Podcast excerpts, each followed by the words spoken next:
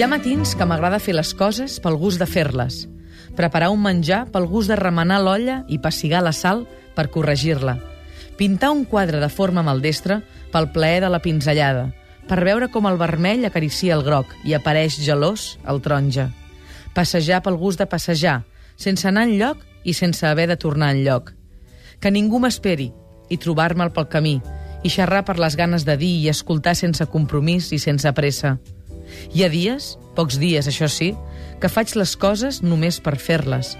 Faig un petó i no n'espero cap de tornada. I així, si sense esperar-lo es deixa caure, el petó és doble.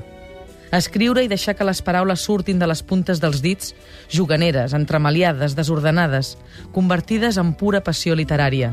I un cop el full és ple de taques negres, estripar-lo i somriure.